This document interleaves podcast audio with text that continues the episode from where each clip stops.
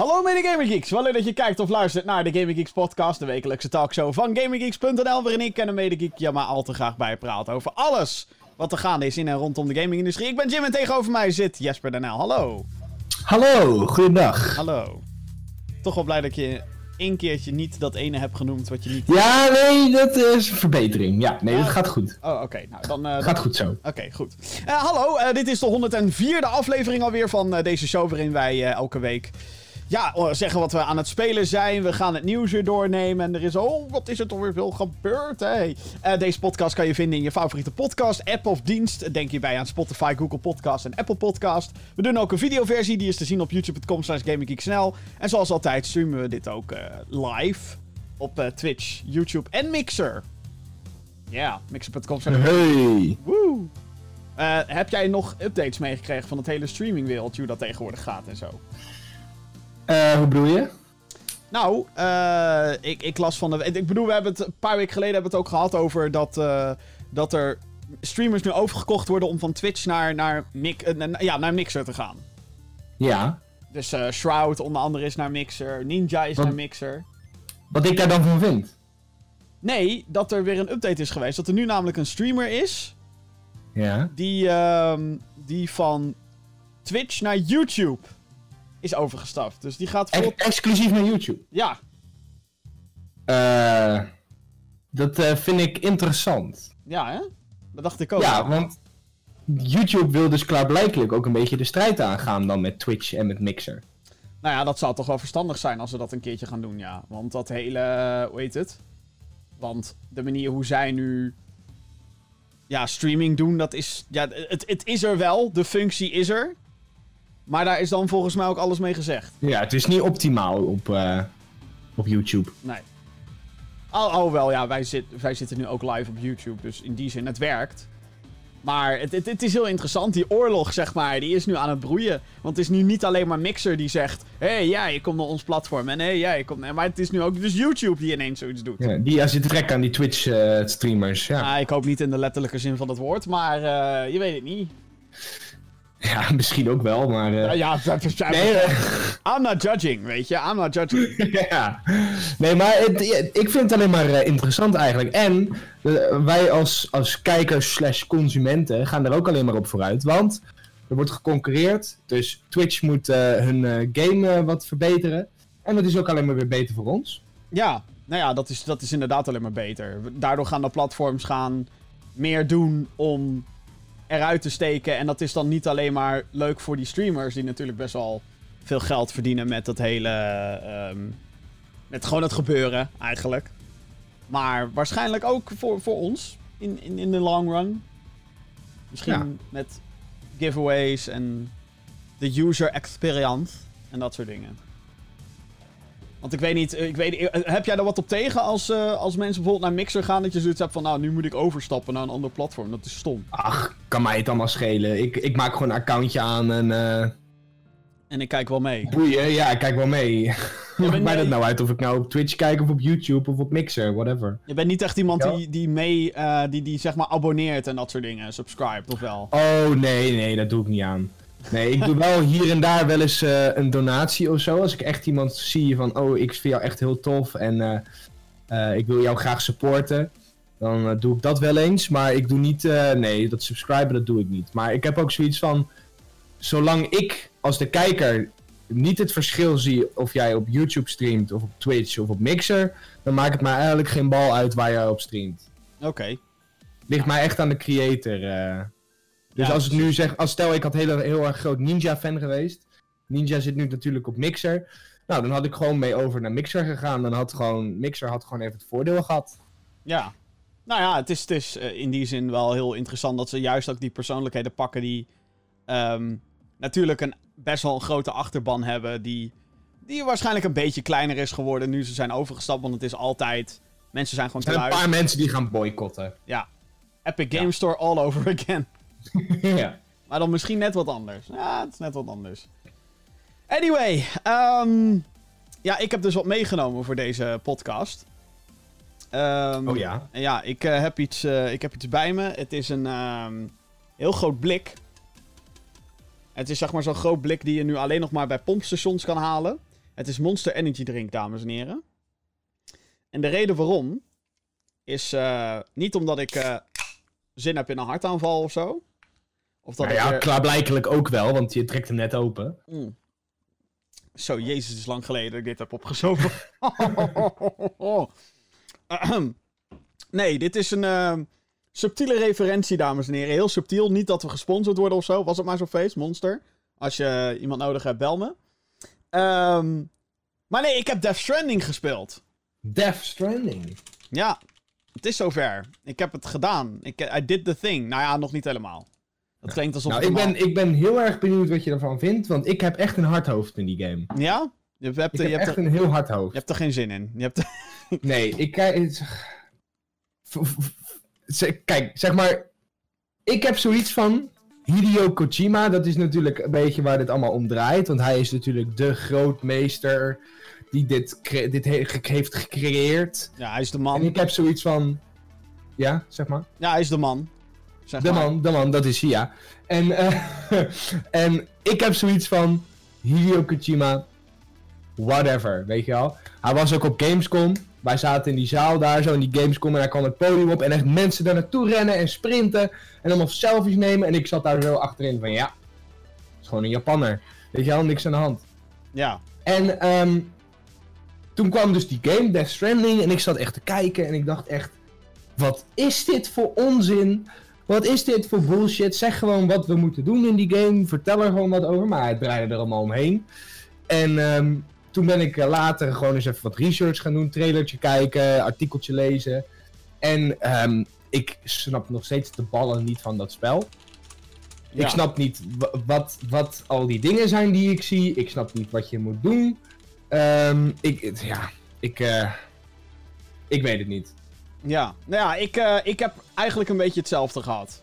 Death Stranding is inderdaad de nieuwe game van de, ma- de, de man waar je bijna niks tegen kan zeggen eigenlijk. Hideo Kojima. Voorheen Metal Gear. eh, daar is hij eh, heel erg bruut uit elkaar gegaan. Met... Jezus, wat ben je allemaal aan het doen, joh? ik deed even mijn microfoon een beetje verschuiven. Oh, vandaar. Nee, ehm eh, Hideo Kojima is, is, is gewoon een soort legende. Een soort levende legende in, in deze hele gaming business. En ook ik had zoiets van... Wat doe je inderdaad nou eigenlijk in godsnaam in het spel? Wat, wat de- Death Stranding. Het is in ieder geval een game waar Norman Reedus de hoofdrol in speelt. Norman Reedus, u wel bekend van The Walking Dead. Hoe die serie nog bestaat, geen idee. Geen idee, nee. Maar ik ben zelf afgehaakt naar seizoen 9. eh, of tijdens seizoen Oh. 9. Even heel even over Norman Reedus. Ehm, die, eh, die poster, of die box art hè, van, eh, van Death Stranding. Heb je da- daar toevallig het doosje liggen naast je of niet? Wacht, moet ik hem er even bij pakken? Even Ik vind al die... die- blikken monster. Die hè. boxart is lelijk. Ik vind die boxart, dat is echt verschrikkelijk. Het ziet er, eh, eh, zeg maar, de meeste boxarts zijn echt epic. En, maar ik, gewoon die boxart van, van Death Stranding, het lettertype is wel vet. Maar die foto van Norman Reedus op die voorkant, Wat, wat is daar mis mee? ik vind hem er zo lelijk uitzien. Is dat zo? Ik, ik vind hem zo nep. Nep. Ja, de linkerkant van zijn hoofd ziet er niet echt uit voor mij. De linkerkant van zijn hoofd. Nou, ik Ja. wil- misschien moet ik het nieuws brengen dat dit een digitale recreatie is. Ja, nee, dat snap ik. maar als je dan kijkt naar bijvoorbeeld hoe. Hè? Noemen ze een andere, eh, weet ik het. Ik Kijk naar de, de boxart van Battlefront of zo. Weet je, die ziet er gewoon fucking vet uit, die, per, die characters. Maar gewoon. Dit, dit ziet er echt. Ik weet niet waar je het over hebt.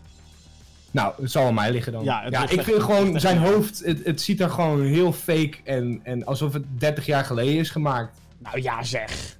Ja, sorry. Ik Nou vind ja, gewoon de zeg. boxart heel lelijk. Oké. Nou, ik vind van niet. nou, nee, Maar oh, goed, de nou, game, Oh, wel, la- laat ik het zo zeggen, de boxer. Ik bedoel, waar maak je in godsnaam druk over? Ja, dat klopt. Ik moet wel zeggen dat de graphics in de game zijn wel echt top level. Ehm, alleen het uitleggen waar het over gaat, dat vind ik heel lastig. Ik ben nu een paar uur onderweg, moet ik zeggen, in het spel. En ehm, ik, ik denk dat ik ik bedoel, la- laat ik het zo zeggen. Ook ik heb nog geen idee. Ik heb nog geen idee wat de helft van de dingen die ik gezien heb betekenen. Ik heb geen idee hoe nou de logica van deze wereld in elkaar zit. Het enige wat ik weet is dat ik Norman Reedus ben. Ehm, je weet wel, die acteur uit The Walking Dead. En dat Ja. ik ehm, een soort netwerk weer online moet gooien eh, rondom Amerika. Die compleet naar de kloten is door allerlei paranormale evenementen.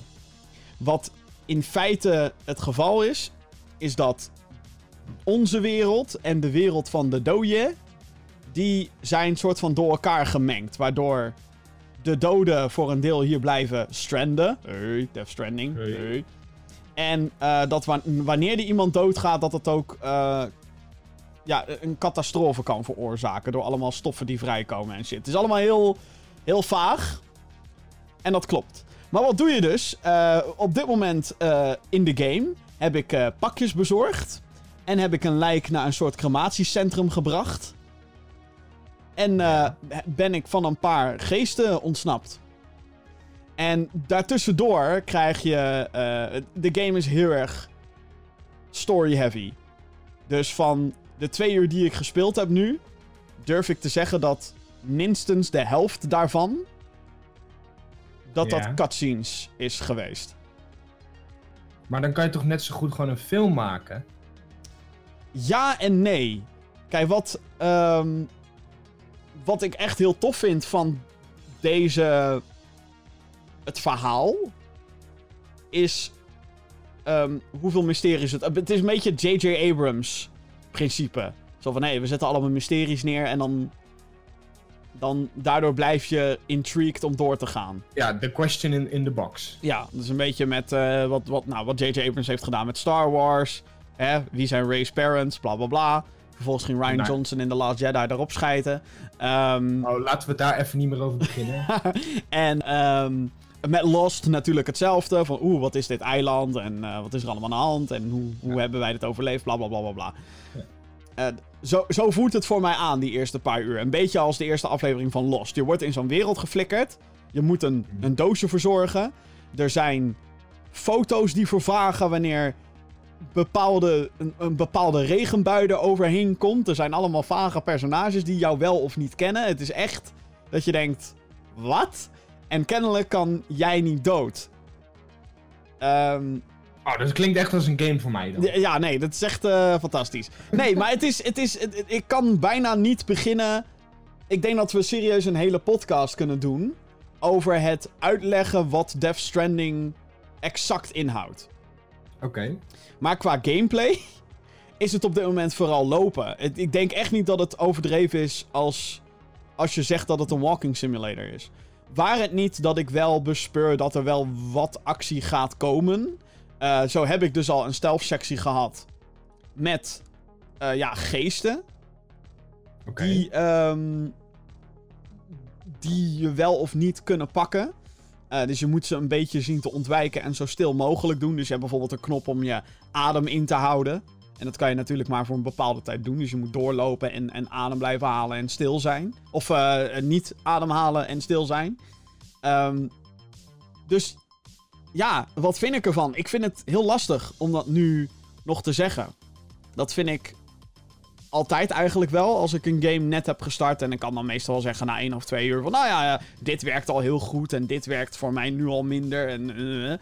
maar hier merk je dat Kojima. En zijn team natuurlijk. Hij is niet de enige. Maar ze proberen iets, iets nieuws te doen. Iets nieuws. ehm, met een, een soort gameplay principe. Ja, hoe moet ik dit uitleggen? Het is eigenlijk een beetje als een simulator game. Weet je wel, dat je denkt, waarom is het leuk om een, om een, te, te- een boer te zijn? Farming simulator, ik zeg maar wat. Ja. Waarom is dat leuk? Nou, en natuurlijk door die gameplay leer je, hè, je moet eh, zaadjes zaaien, je moet de koeien melken, of eh, koeien melk geven, lol. Eh, koeien melken, je moet koeien eten geven, dat soort shit, weet je, dat komt er allemaal bij kijken. Ja. En ja. hier is het zo. Stel, je bent in een post-apocalyptische wereld. waarin een soort van ondoden rondzwerven, ja of nee. En jij moet pakketjes rondbrengen in een soort berggebied. En shit. Ehm, Ja, hoe doe je dat dan? Ja. Uh, dus je hebt te maken met gewicht. Je moet continu, als je aan het lopen bent en je hebt te veel lading op je rug, moet je dus continu de balans van Norman Reedus bijhouden met de triggerknoppen. Uh, omdat je anders uh, neervalt. En als je neervalt, dan raak je cargo beschadigd. Etcetera, etcetera, etcetera. Dus het is uh, een hele futuristische, aparte aanpak van een, een postbode. ja. Maar het, zeg maar, als ik het nu zo hoor, is de eerste vraag die in mij opkomt: wat is je doel? Want het is dus een hele story-heftige game. Mhm. En uh, hè, als je een story gaat schrijven, moet je een karakter hebben die een doel heeft. Ja. Wat is het doel van Norman Reedus? Oké, het doel van Norman Reedus op een gegeven moment. Um, dit is allemaal in het begin, dus ik voel me niet echt lullig als ik dingen spoil. Maar basically krijg jij van de president van de Verenigde Staten, of nu is het de United Cities of America, uh, in plaats van de United States, om, omdat Amerika best wel uh, naar de kloot is. Um, krijg jij de opdracht om. Zij hebben een soort netwerk. En dat netwerk moet jij weer gaan verbinden. Okay. Uh, dus eigenlijk, van wat ik er nu dus van begrijp. Steden. Ja, dus jij moet door zo'n landschap heen en dan moet je naar een, een, een facility toe. En dit is nu een gokje, want ik ben nu dus op het punt van de game dat dat hoofddoel is net aan mij uitgelegd. Dus ik ga nu waarschijnlijk naar mijn eerste missie om dat te doen. En okay. Waarschijnlijk moet dat dan allemaal van... Ja, maar wij hebben zoveel supplies nodig om dit netwerk weer omhoog te kunnen helpen. En dan moet je dus een pakketje van A naar B brengen. Uh, en dan zijn er ook dudes die willen dat tegenhouden. Want niet iedereen is voor de United Cities of America. Er is ook een groepje mysterieuze rebellen. Waarschijnlijk geleid door Matt, Matt Mikkelsen, die ook in deze game speelt. Uh, dat is voor mij nu niet 100% duidelijk. Maar ik ga, ik ga er even vanuit dat hij de bad guy is. Want het is Matt Mikkelsen. Uh, maar die willen dat tegenhouden. Dus die ga je ook ongetwijfeld tegenkomen. En dat is waar dan de actiestukken vandaan komen. Samen met dus die Death Stranding die rondzweven. Dus er zijn eigenlijk... Je wordt in de eerste paar uur van die game... wordt je ontzettend veel informatie gevoed. Zoals nu, want ik heb er gewoon moeite mee om alles op een rijtje te zetten. Um, en het is een beetje, ja, gaan. En nu zijn er spoken, dus nu moet je proberen te vermijden. En je merkt ook meteen wanneer de game je adem geeft, omdat de camera dan uitzoomt. Dan krijg je zo'n zo'n indie band krijg je dan te horen. En dan is het van ja, ga maar uh, terug naar je bestemming. En er zijn dingen zoals voertuigen en laddertjes die je kan neerleggen en bruggen die je kan bouwen. Nogmaals, op dat punt ben ik nog helemaal niet, want ik heb net nog maar een intro gespeeld en dat waren twee uur. Um, en ik moet zeggen dat ik de, de cutscenes echt ontzettend goed geregisseerd vind. Uh, Guillermo del Toro speelt best wel een grote rol hierin. Uh, hij speelt eigenlijk een soort van technical engineer. Um, en ja, de manier hoe het allemaal neergezet wordt is nogmaals op zo'n losachtige manier. Van ja, wat gebeurt er nou eigenlijk? Maar wel op zo'n manier dat je wilt blijven kijken en dus ook spelen. Ik denk ook dat Kojima begon zijn carrière als een filmmaker. En dat zie je in alles terug. En dat, dat zeg ik als iemand die... Ik heb nooit Metal Gear gespeeld. Behalve Ground Zeroes, wat een fucking demo was voor Metal Gear Solid 5. Die voor 30 euro verkocht werd. Toen, de tijd. Um, maar als ik dan die, die, die Metal Gear zie... en ik weet gewoon dat daar cutscenes ook makkelijk een half uur kunnen duren... zonder gein. Maar ik vind dat dus eigenlijk wel wat hebben. Want we leven nu in zo'n... En ik denk dat het nu hier, in deze generatie, heel goed past. Omdat we in een generatie zijn van gaming... waarin eigenlijk dit soort story-driven games... Dat, zijn, dat worden eigenlijk een beetje als de hoogtepunten beschouwd. Of in ieder geval games die hun, hun verhaal heel serieus nemen. En dat kregen we al een beetje... Uh, vorige generatie kregen we dat ook wel. Met, met Bioshock en... Ik denk dat, uh, dat zelfs Batman Arkham Asylum daar een voorbeeld van is. Uh, dat is ook een game waarbij natuurlijk de gameplay en het zijn van Batman stond daar centraal. Maar de manier hoe dat hele verhaal eromheen gepresenteerd was, was ontzettend belangrijk in die game. En in Bioshock ook. En nu zitten we zeg maar in die generatie dat bij God of War speelt het verhaal een hele grote rol. Uh, en als je dat dan vergelijkt met God of War op de PS2, dan denk je, what the fuck, heus een goed verhaal, ga weg. Um, Maar dat is, in de nieuwe is dat zo. In Spider-Man is dat zo. En The Last of Us zit natuurlijk iedereen naar uit te kijken. Niet alleen maar omdat de game leuk is om te spelen. Maar vooral omdat we met z'n allen willen weten... wat de fuck gaat er gebeuren? En dat vind ik zo uniek. En ik denk daarom ook dat Death Stranding nu hier zo goed past op de PlayStation 4. En hij komt ook naar de PC eh, volgend jaar in de zomer of in de lente. Ehm, eh, dus dus ik, ik stoor me helemaal niet aan het feit dat die, die verhaalstukken zo lang zijn. En dat komt natuurlijk ook omdat we inmiddels de technologie hebben dat de voice acting geweldig is. Dat, dat je gewoon echt merkt dat mensen in een studio hebben geacteerd in plaats van. ehm, ja, hey, hey, ja, ja, ja, eh, eh, animator dude. Ja, kom even, ik heb een paar zinnetjes van je nodig. Weet je wel, dat, dat, dat gebeurt bijna niet meer. Het zijn nu echt acteurs. Ja. En dit zijn Ja. ook echt acteurs, hè? Norman Reedus, Matt Mikkelsen, Troy Baker zit er ook in. Ehm, dus ja, ik, ik, vind, ik vind het wel interessant. Ik kan nog niet zeggen. eh, wat ik al zei. Ik, ik kan nog niet zeggen wat ik nou echt vind van het spel. Maar ik ben wel fucking geboeid. nu ik het erover heb, denk ik: fuck, ik wil eigenlijk doorspelen zodat ik het er nog meer over kan hebben. Ja. Dat is het een ja. beetje. Ja, nou, ik, als ik het allemaal zo hoor, denk ik dat dit voor mij echt een easy skip wordt. Ja, nee, het is wel, het is echt een game. Het moet je ding zijn. Echt waar. Ja. Want eh, de eerste, ik, ik was bij, bij een launch evenement en een eh, van, van die gasten die hem al eh, gereviewd had. Die had hem dus al een paar weken van tevoren, voor de launch, had hij hem al, had hij al een code kunnen krijgen. En ehm, een van de dingen die hij zei is: Ja, eh, als je No Man's Sky fantastisch vindt, dan vind je dit ook fantastisch. Dus ik zat van: Oh, kut. fuck No Man's Sky, vriend. Ik haat No Man's Sky. Het is boring as fuck. Weet je wel?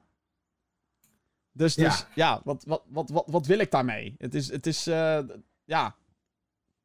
Maar Ja, ik moet zeggen dat het wel echt anders is dan No Man's Sky. Het is, No Man's Sky gaat over ehm, het, het grinden en het, en het eh, ehm, ja, No Man's Sky.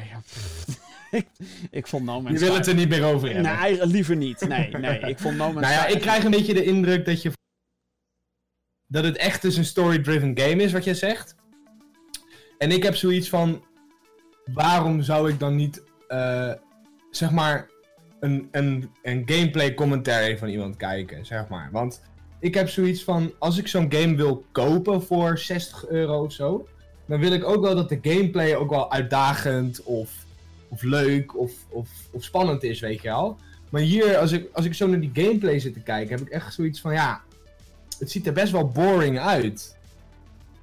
Dus ik weet ook niet of, dat, of jij het idee hebt dat het, dat het boring speelt. voor mij is dit eigenlijk. Het is ook de timing is perfect. Want ik was gisteren. Begon ik dus met spelen. En ik was opgefokt. Ik was echt opgefokt. Want ik heb weer Call of Duty zitten spelen. Ik heb eh, proberen verder te komen in Blasphemous. Wat een super moeilijk 2D-spelletje is. En ik dacht van holy shit, ik kan. Ik werd ge- genakt door iedereen. En dan kom je bij Death Stranding terecht. En dan is het even. Even Even kalm. kalm aan. Ga gewoon je pakketje bezorgen, oké? En nogmaals, ik weet, niet, ik weet niet hoe de rest van de game natuurlijk in elkaar zit. Want voor mij is het nu gewoon echt aftasten nog. En het feit dat we het er nu al bijna 20 minuten over hebben, over twee uurtjes van mijn gameplay, vind ik zeg maar al heel indrukwekkend. En dat komt natuurlijk ook door de hype die allemaal is opgebouwd de laatste drie jaar. Maar het is gewoon heel erg. eh, het, het is niet een, een spel die inderdaad voor iedereen weggelegd zal zijn. Dus als je Nee. een actiegame zoekt, nee. Dan moet je ver weg blijven van Death Stranding. Ik. Nou, eh, niet per se een actiegame, maar gewoon een, een game waar de gameplay loop gewoon leuk is om te doen, weet je wel. Want ehm, je kan natuurlijk een story voor de story spelen, maar als je het dan één keer gespeeld hebt, ja, dan heb je zoiets van, nou, dan leg ik hem nu weg. Maar als de gameplay loop ook leuk is, dan blijf je het ook spelen, zeg maar. Ja. En ik heb niet het idee dat deze gameplay loop die hierin zit, dat die heel erg interessant, uitdagend, leuk is om te doen. Ja, Volgens ik, mij is het zo dat je die gameplay loop alleen maar doet om verder te komen in het verhaal. nou, ik. Mm, zo kan je heel veel games eigenlijk wel zien. Want dat is ook je doel om bij de volgende cutscene te komen in heel veel games. Ja, tuurlijk. Maar als je, als je, waarom, spelen, waarom proberen mensen zeg maar Assassin's Creed te 100% in plaats van dat ze alleen het het, eh, het verhaal spelen of zo. Dat, Zeg heet, dat heet OCD. Dat is heel simpel. Ook, ook. Dat is gewoon, ik zie een maar omdat de gameplay vol met fucking vraagtekentjes. En die vraagtekentjes moeten weg. Dat is Assassin's Creed voor mij. Ja. Maar mensen die spelen dat omdat ze het leuk vinden om als een assassin te spelen. Weet je wel? En mensen neer te steken en dat soort dingen. Ja, maar ik denk, ik ook, van- ik denk ook dat het hier... Want ik denk niet dat je moet onderschatten hoeveel gameplay-elementen erbij komen met, eh, met dit... ehm, met het bezorgen van een pakje. Kijk, het klinkt alsof ik nu bij jou in de wijk ga lopen en dat ik dan iets in de brievenbus flikker. ja. Zo makkelijk is het natuurlijk niet. Want, wat ik al zei, het is een gebergte en er zijn rivieren en bla bla bla bla, bla. Je kan niet overal met je motor zomaar... Motorraden! Je kan niet zomaar even met een motor aan één stuk door... Waarschijnlijk naar alle, naar alle bezorgplekken toe. En dan heb je ook nog eens die geesten die er natuurlijk zijn. En enemy soldiers die daar... eh, eh, die misschien wel een pakketje bewaken of zo die jij moet gaan pakken. Dus ik denk, ik denk wel dat het meer is dan dat. Dat, daar geloof ik. eh, Dat, dat moet bijna wel. Want anders dan zou ik zelf ook na waarschijnlijk... Ik bedoel, ik heb nu twee uur gespeeld. Maar als dit nog acht uur zo doorgaat... Maar nogmaals, dat idee heb ik totaal niet. Dan, dan, dan hoor je mij volgende week bitchen in deze podcast. Van ja, sorry, ik ben ermee gekapt. Ja, ja, ja. Dat kan. Maar ik, ik, ik geloof het niet. Ik denk gewoon wel dat... Dat hier... Er zit hier iets. En ik denk dat dat bijna niet te ontkennen valt. Het, het is ook als een indie studio dit had geprobeerd. Hè, en je had bijvoorbeeld slechte voice acting gehad. Of slechte cutscenes. Of, dan was het heel ambitieus geweest. Maar dan hadden mensen zoiets gehad van... Nou, dan laat maar zitten. En dan was er een hele kleine niche geweest die dit had opgepakt. En ik denk ook dat dit een niche game is. Dit is geen Spider-Man. Dit is geen God of War. Dit is ook geen Horizon Zero Dawn. Dit zit eigenlijk daar allemaal onder. Als het gaat om hoe massaal de appeal kan zijn. Maar ja, weet je wat het is? Zo werd het wel geprofileerd en ge, gema- gemarket. Nou, het werd van, oh, de, de volgende... De volgende, volgende meesterwerk op de PlayStation 4. Ja, van Hideo Kojima. En dat is, denk ik, waar, waar ze een beetje dat arthouse stijltje vandaan willen, willen halen. Want er zijn natuurlijk ook een paar regisseurs, filmregisseurs, die ook een bepaalde stempel hebben. En als je dat gaat proberen, of als je dat gaat bekijken, dan, dan moet je die stempel voelen. En dan is het van, oh, de regisseur bedoelde dit met dit stuk. Ja. Weet je wel? Dus ik denk.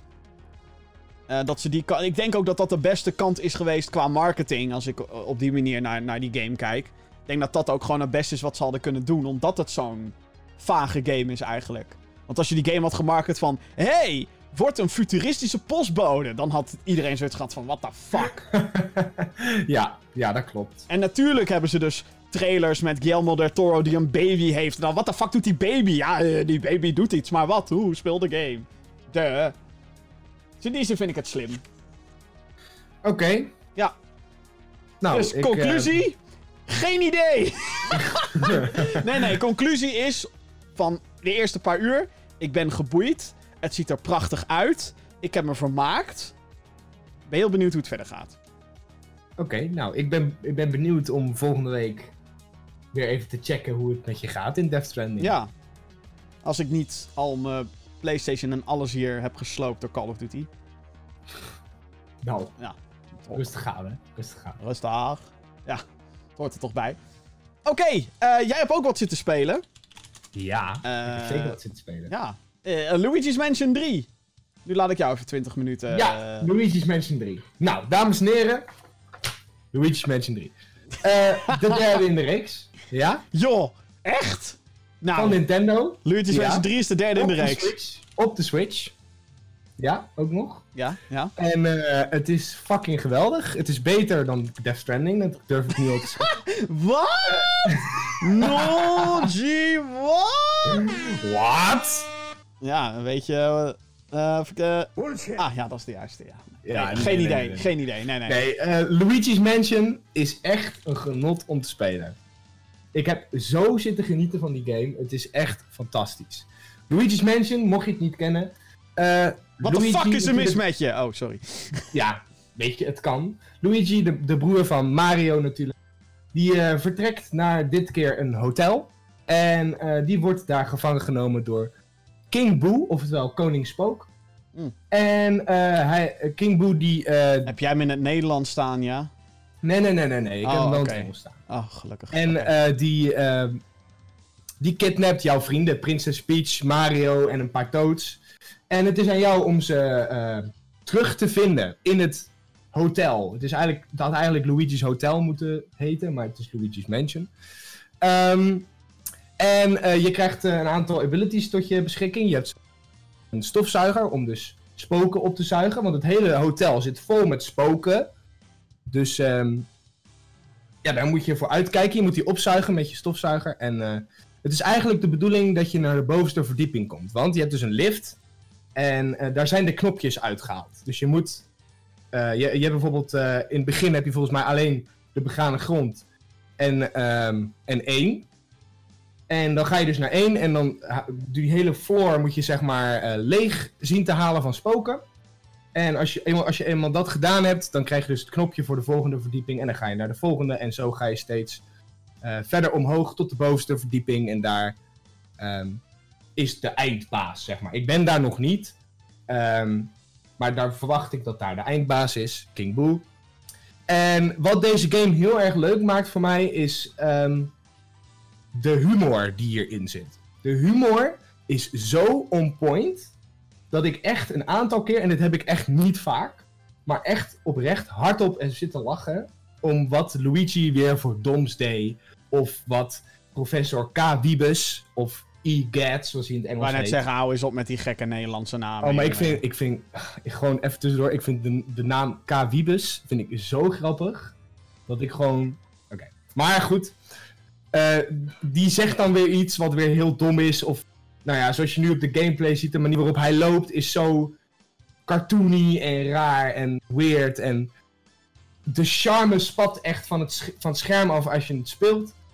Ehm, daarnaast is de gameplay is ook heel erg goed. Ehm, je kunt eigenlijk Luigi vrijwel makkelijk alles laten doen wat je wil. Ja, want het is eigenlijk gewoon... eh, ik heb voornamelijk deel 1 gespeeld en ehm, ik heb hier een paar keer een demo van gespeeld. Ja. Lees E3 en Gamescom en dat soort dingen. Eh, maar wat, wat Luigi's Mansion dus basically qua gameplay is, is eigenlijk gewoon Ghostbusters. Je hebt een stofzuiger waarmee je vijanden of spoken kan opzuigen. Eh, maar die spoken die verzetten zich. Soms moet je een, een, eh, een, een, een, een zaklamp op ze schijnen, heel fel, voordat ze zich zichtbaar maken. En in deze game zit ook een nieuwe functie dat je ze kan rondsmijten. Alsof je ze. Ja, beet Ja, klopt. hebt. En als je dat dus doet, dan eh, krijgen ze dus extra damage. Eh, maar na een tijdje raken ze dan toch weer los. En dan moet je ze dus weer opnieuw met je zaklamp eh, kwetsbaar maken. En dan kun je ze dus weer opzuigen totdat ze, totdat ze dood zijn. En wat je net zei, sommige spoken die verzetten zich. Dus er zijn bijvoorbeeld ook spoken die zetten een zonnebril op. En als, je dus, als ze dus die zonnebril op hebben, dan kunnen ze niet verblind worden door het licht. Dus dan zul je eerst die zonnebril van ze af moeten trekken. En ze dan moeten verblinden. Dus het is en heel grappig de manier waarop ze het doen. En het voegt toe aan de gameplay. Ja. Dus het is best wel. Het zit best wel heel goed in elkaar, vind ik zelf. ja, nee, het is. eh, ja, ik, het ziet er sowieso echt fantastisch uit. Dat is wel echt. eh, eh, ik bedoel, de Switch wordt natuurlijk een beetje gezien als het lulletje als het gaat om technische kracht. En dat is natuurlijk Ja. ook zo tegenwoordig. Maar eh, dat is bij deze game absoluut niet. Deze game ziet er zo goed uit op de Switch. Het is niet, zowel in, in, in eh, handheld mode als in tv mode. Het ziet er echt ontzettend goed uit. Als je ook de gameplay bekijkt, gewoon. Je denkt van ja, maar dit is gameplay eh, opgenomen. Dit ziet er nooit zo mooi uit. Geloof mij, zoals je het op de gameplay ziet, ziet het er ook uit op de Switch. Het is echt. Wauw, ik kan er gewoon niet over uit. Ja, moet je nagaan wat ze kunnen doen als we een PlayStation 4 hadden. of Ja, precies. Zeg je maar. nagaan. meer power. Power. Ah, ja. Nee, maar het, eh, het- om een lang verhaal kort te maken, want er komt een review. Spoiler. Ehm, lang verhaal kort te maken. Als je een Switch hebt, dit hoort, behoort e- echt tot de Switch Essentials. Je moet deze game gespeeld hebben op je Switch. Het is zo fantastisch. Ik vind het zo leuk. Ik heb me echt ontzettend zitten vermaken. Ik heb nu denk ik zes uurtjes of zo in de game zitten. Echt dik, dik goed eh, gespendeerd. Oké. Zes uurtjes maar. Ja, ik Dan had eh, tentamens. Dan is die game ook kort. Ja, nee, nou, nee, ik ben nog helemaal, ik ben nog niet eens halverwege, man. Hoe kan je nou een review hebben als je nog niet eens halverwege een fucking game bent? Omdat ik, omdat ik al gewoon, dit is de gameplay loop. Ja, maar misschien wordt het fucking boring na die tweede helft. Nee, jongen, zeker je- niet. Hoe weet je dat nou? Dat weet ik 100% zeker. Hoe weet je dat nou? Dat kan je niet 100% zeker weten. Ik heb nu van de 17 floors die er zijn, heb ik er 8 gedaan. 17... Nou, ja, hier! Je bent nog niet eens op de helft. Bijna op de helft. Nou ja, dat is... Nee, nee, nee, nee, nee. Zo werkt het niet. Je bent nog niet eens op de helft. Ja, bijna op de helft. Bijna de helft. dat, dat is alsof je zeg maar een, een, een 4 krijgt voor je examen. Dan, ja, maar het is bijna een 6. Schreef maar twee puntjes van de 6. dat is bijna voldoende. ja, Ja, maar... d- eh, dat zeg ik wel, ja. Fucking hell. Jeetje, mina, godsamme. Nee, ja, nee, dit is een game die, eh, waar ik me ontzettend op heb verheugd. Ik heb alleen zelf nog ja, geen tijd. Ik bedoel, eh Death Stranding. Call of. Duty. Eh, ik heb Hearthstone zitten spelen ook weer deze week. Want ja, waarom niet? Eh, er zijn te veel games, oké? Te veel games. Dus ja, goed. Maar nog- deze, dit is er wel eentje die je echt eh, moet doen. Ja, maar misschien moet ik dan nu eerst gewoon nog mijn 3DS weer even erbij pakken. En dan Luigi's Mansion 1 en 2 gaan uitspelen. En dan eh, Ja. aan 3. Ja, ik had wel het gevoel dat het wel doorgaat op dat. ehm, op deel 2, inderdaad. Maar. ehm, ik, ik las online dat deel 2 niet heel erg goed was. Eh Oh. Heet die ook weer? Dark, Dark Moon of zo? Ja, volgens mij heet hij hier in Europa gewoon... Even kijken hoor. Eh, oh nee, wacht. Het is gewoon deel Mansion 1 op 3DS. Yay. En eh... Nee, in Europa heet hij gewoon 2. Oh, oké. Nou, in ieder geval. Ik, ik las online dat die niet heel goed ontvangen werd. Oh. Maar de dingen die daar goed in waren en die in 1 ook heel goed waren, die hebben ze nu dus in 1 gedouwd. Oh. En Luigi's Mansion 3 is eigenlijk de ultieme Luigi's Mansion. Maar eh, het gaat dus wel verder op het verhaal van deel 2. Oh, oké. Dus inderdaad kan ik aanraden om deel 1 en 2 misschien eerst te doen. Het is sowieso een beetje een vertiefde volgorde. Want ik ben nu dus bezig met Luigi's Mansion 1 op de 3DS. Die game is van origine op de Gamecube uitgekomen. Ja. Uh, maar de, de port, slash eigenlijk is het meer een soort remake van Luigi's Mansion. Want ze hebben alle character models opnieuw gedaan en zo. Die kwam later uit op de 3DS dan Luigi's Mansion 2. Oké. Dus ik weet niet zeg maar of, of het straks inderdaad minder minder wordt. Omdat Luigi's Mansion 1 hè, is zeg maar later uitgekomen op de 3DS dan 2. maar nu speel ik eerst deel 1 en daarna deel 2. En Ja, ik, ik, God. ik weet het ook niet. Maar eh, eh, weet je, als ik dan eh, dit soort reacties lees, dan denk ik Nintendo, maak gewoon meer van dit soort toffe games gewoon. Ja, ik, ik wil een fucking Super Mario Galaxy op de Switch. Ja, Super Mario Galaxy. blijft die? Nou oké, Odyssey was wel echt supergoed. Ja. Maar, Maar- juist daarom had ik zoiets van, ik wil Super Mario Galaxy. HD, hem alleen maar. HD-ports inderdaad, Metroid Prime ports. Nee, maar dit soort franchises, dit zijn zeg maar van die, van die Nintendo franchises waar ze inderdaad eens in de 12 jaar of zo zeggen ze, of 6 jaar, whatever, zeggen ze van, oh laten we misschien gewoon weer eens kijken of we weer een, een- een, deeltje hiervan moeten maken of zo. En dan denk ik, Ja. jezus, jullie hebben zoveel van dit soort series liggen. Wario Land, maak eens een keer een nieuwe Wario Land, oké? Die games waren fucking awesome.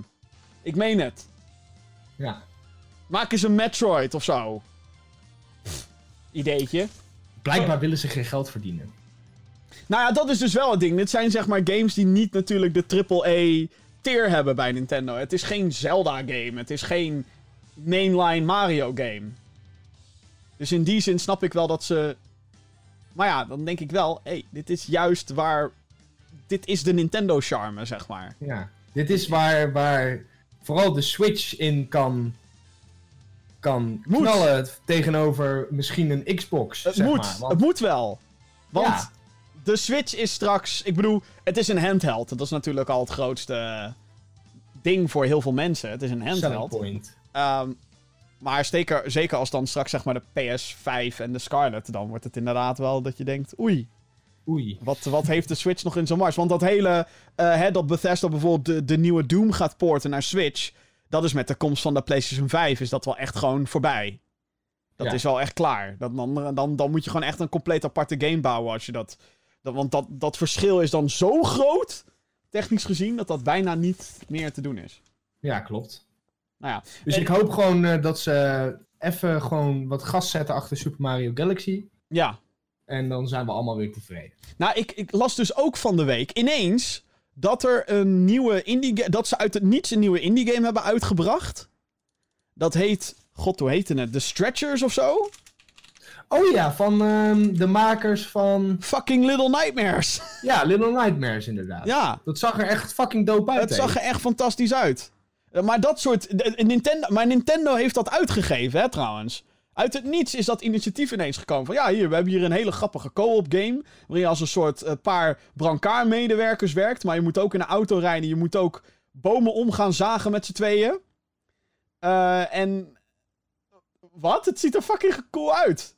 Ja. Uit het niets Nou, ineens. Ik, eh, ik zeg... eh, spelen. Ja, nou ja, ik wil dit wel heel graag spelen, ja. Al is het alleen maar omdat het inderdaad van de makers van Little Nightmares is. Die, eh, Ja, ja, ja. Alleen is een beetje het nadeel, maar ook weer het voordeel, dat het echt local bedoeld is om als local co-op te spelen. Oh. Dus, Hey, ik zie een video-ideetje aankomen hier. ja, is dat zo? Kom jij hierheen? Hmm, Misschien wel. Zo, spannend. dus, eh, we gaan alleen maar spelletjes spelen, jongens. Geen, eh, geen zorgen. Oké, zometeen Nee. gaan we het nog hebben over eh, Holland aan het roer. Echt waar. We nemen de wereld over. En een Fortnite-speler is geband voor het leven. Wat is daar aan de hand? Leven. Ja, dan wordt het zo meteen. Maar eerst gaan we het hebben over een andere Nintendo franchise. Dit is een van die AAA-tier franchises. Dat, dat, dat, dat- Shit, ik zei het al. Dat Nintendo zegt, hier moeten we druk achter zetten. En natuurlijk Pokémon. Pokémon.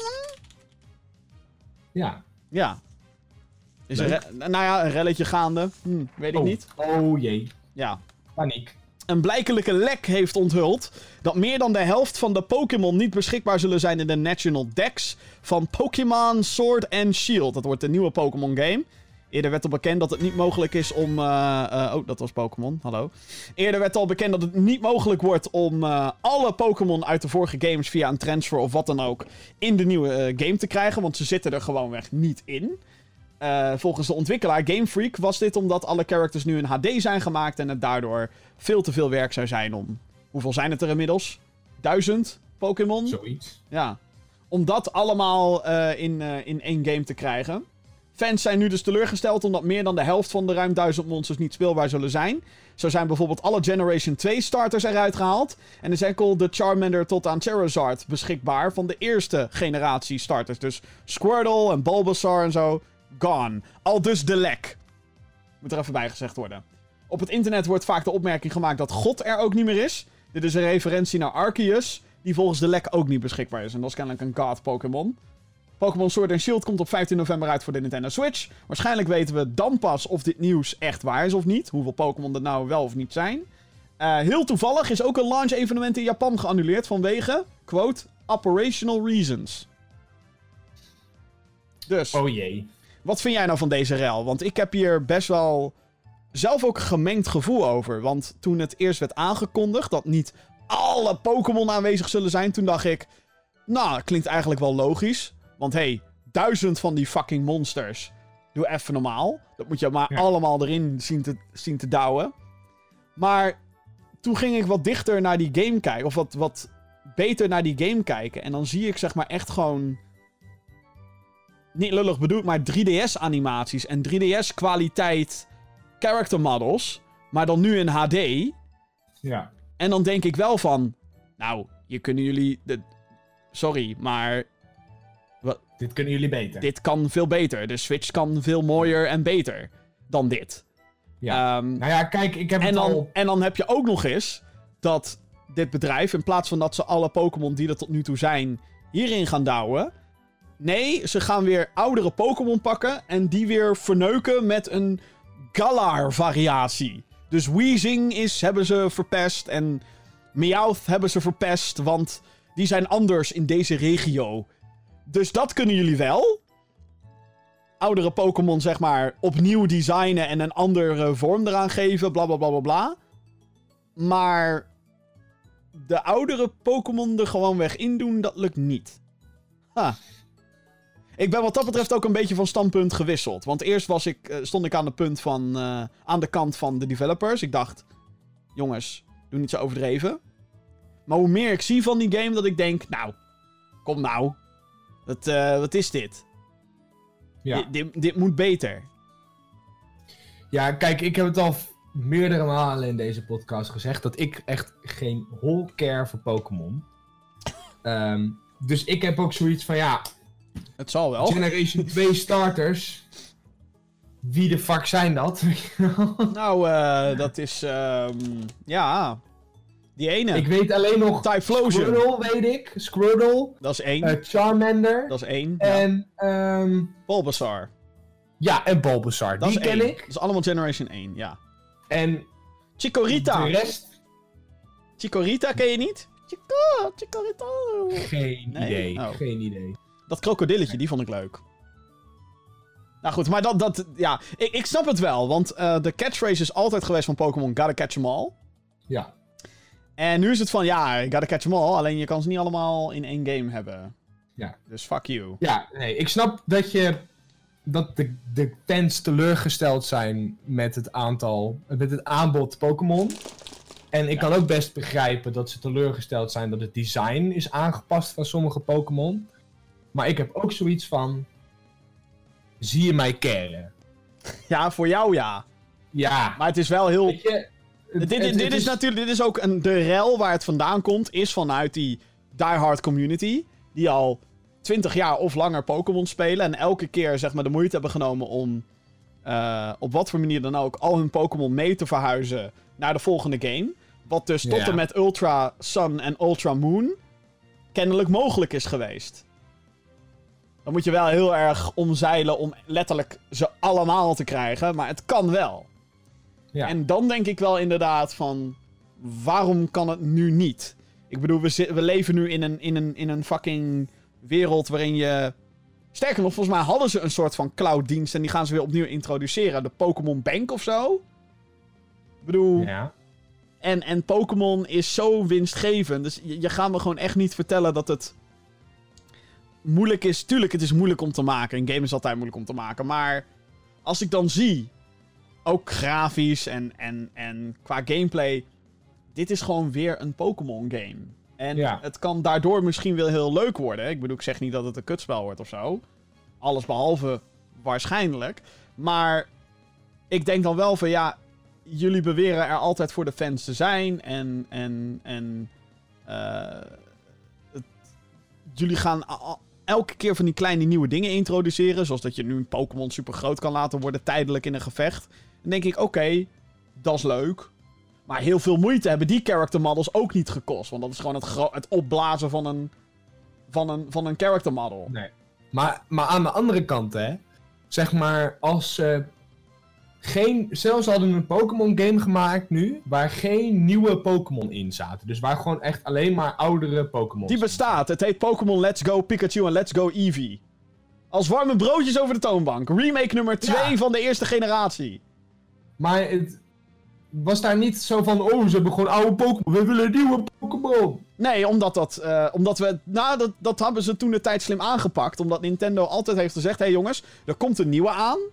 De next generation, bla bla bla. En dat wordt eh, een traditionele turn-based RPG. Maar nu hebben we Ja. Let's Go. En dat was dan met je. Dat je de Pokémon Go gameplay eigenlijk hebt qua, qua het vangen van die beesten. En Ja. natuurlijk Gen 1. En dat was super slim, omdat je daarmee een nieuwe generatie letterlijk introduceert aan de oudere Pokémon. Van hé, hey, deze beestjes vind je nu ook leuk, hè? Yay, merchandise. Woo, money, money, money. Ehm, en dat ze dat eventuele nieuwe publiek op de Switch dan nu weer mee kunnen trekken naar de nieuwe Pokémon. Ja. Dus, dat, dat, Eigenlijk dat bedoel ik eigenlijk al. helemaal die redesigns doen. Wat zei je? Dus eigenlijk hadden ze die hele redesigns niet doen. Nou ja, ik vind, ik, vind, ik, toch vind, wel prima. ik vind sowieso raar dat je oude Pokémon weer gaat redesignen. Ik vind het hele idee dat ze anders, misschien net wat anders zijn per regio, vind ik wel grappig, dat idee. Dat een Vulpix, wat normaal een vuur-Pokémon is, eh, in, in andere, een andere regio van de wereld, dat dat dan in- ineens een ijs-Pokémon is. daar zie ik nog wel ergens de charme van. Maar wat ze nu doen, is zeg maar oude designs pakken en die compleet gewoon kapot maken. Gewoon echt, echt verneuken en lelijk maken. Van hé hey jongens, dit is de nieuwe eh, versie. Nee, Ja. fuck off. In plaats daarvan kan je like, ook gewoon een nieuw goed beest verzinnen. En niet oude. Dat is zeg maar, het is zeg maar. En aan onze nostalgie zitten. En dat ook nog eens een beetje verpesten. Want die oude Pokémon zijn ook al meer dan 20 jaar oud. Dat is niet iets van. Oh ja, het is van. Ja. Net. Ja, oké. Nou, ehm, ik weet even niet zo goed wat ik nou eh, moet zeggen. Ik heb zoiets van, ja... Ik hoop dat het goed komt voor al die mensen. Volgende week komt die uit, toch? Ja, 15, eh, 15 Ja. november. En dan weten we dus ook of dat hele, of echt de helft van de Pokémon mist, of dat waar is. Maar mensen gaan er eigenlijk al een beetje van uit. Zoals Janny dan zou zeggen, we gaan het zien. Ugh. Oké, eh, een ontwikkelaar van Blizzard Entertainment heeft tijdens een stream op BlizzCon vorige week laten weten wat de plannen zijn rondom Diablo 4. Get hype. Want ik heb daar er stiekem wel heel veel zin in. Alleen nu misschien iets minder. Oh, oh jee. Ja, Oh god. Oh jee. Brace yourself. De actie-RPG die werd eh, tijdens dat evenement BlizzCon dus iets meer dan een week geleden aangekondigd voor PC, PlayStation 4 en de Xbox One. De game is nog lang niet af. We zullen waarschijnlijk nog een paar jaar moeten wachten totdat de release er is. Wat ik, waarvan ik al denk, ach, waarom komt het nu al aan? Maar goed, anders anders helemaal niks. Dat snap ik ook wel weer. eh. Alleen heeft Blizzard nu al plannen voor wat er na die ehm, uiteindelijke release komt. Zo willen ze meerdere uitbreidingen uit gaan brengen, waar betaald voor moet worden. Nou, op zich is dat niet iets nieuws. Uh, maar daarnaast zijn ze ook van plan om cosmetische microtransacties in te voeren. En dit werd dus tijdens een stream. Daar werd dit onthuld. Werd dit gevraagd, zeg maar. Dat, uh...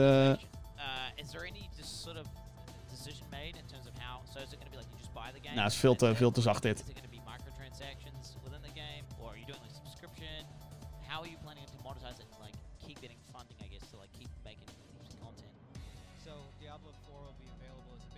Nou, whatever. Hij gaat hier zeggen dat er microtransacties zijn. Het is veel te zacht. Maar het zullen cosmetische microtransacties worden. Ja. By the way. Ja. Ja, jij bent daar echt fel tegen, hè? Nou ja, details worden nog niet gegeven, maar we moeten afwachten hoe eh, ver Blizzard gaat om geld te verdienen uit eh, Diablo 4. Ja, nee, ik ben hierop tegen. Omdat je, je hebt een base game, die gaat 60 euro kosten. Ja. Oké, logisch. Weet je al, dat, dat zijn we inmiddels allemaal gewend. Vervolgens ga je ze zijn ook van plan om meerdere uitbreidingen te doen. Nogmaals, niks op tegen. Als de waarde goed is. Waar ik wel wat op tegen heb, is als je daarvoor moet betalen en dan voor al die uitbreidingen moet gaan betalen. Waarom dan ook nog eens cosmetische microtransacties? Vooral omdat een groot deel van de Diablo gameplay is het verkrijgen van gear. En dus ook het verkrijgen van de, het uiterlijk van die gear. Want gear verandert je, hoe je character eruit ziet in Diablo. Wat logisch is. Als je een dik vet zwaard hebt, dan wil je die in je klauwen zien. Dus ik heb daarop tegen, omdat het in het verleden niet gedaan is. Ze hebben het geprobeerd. In, eh, toen Diablo 3 uitkwam, hadden ze een auction house.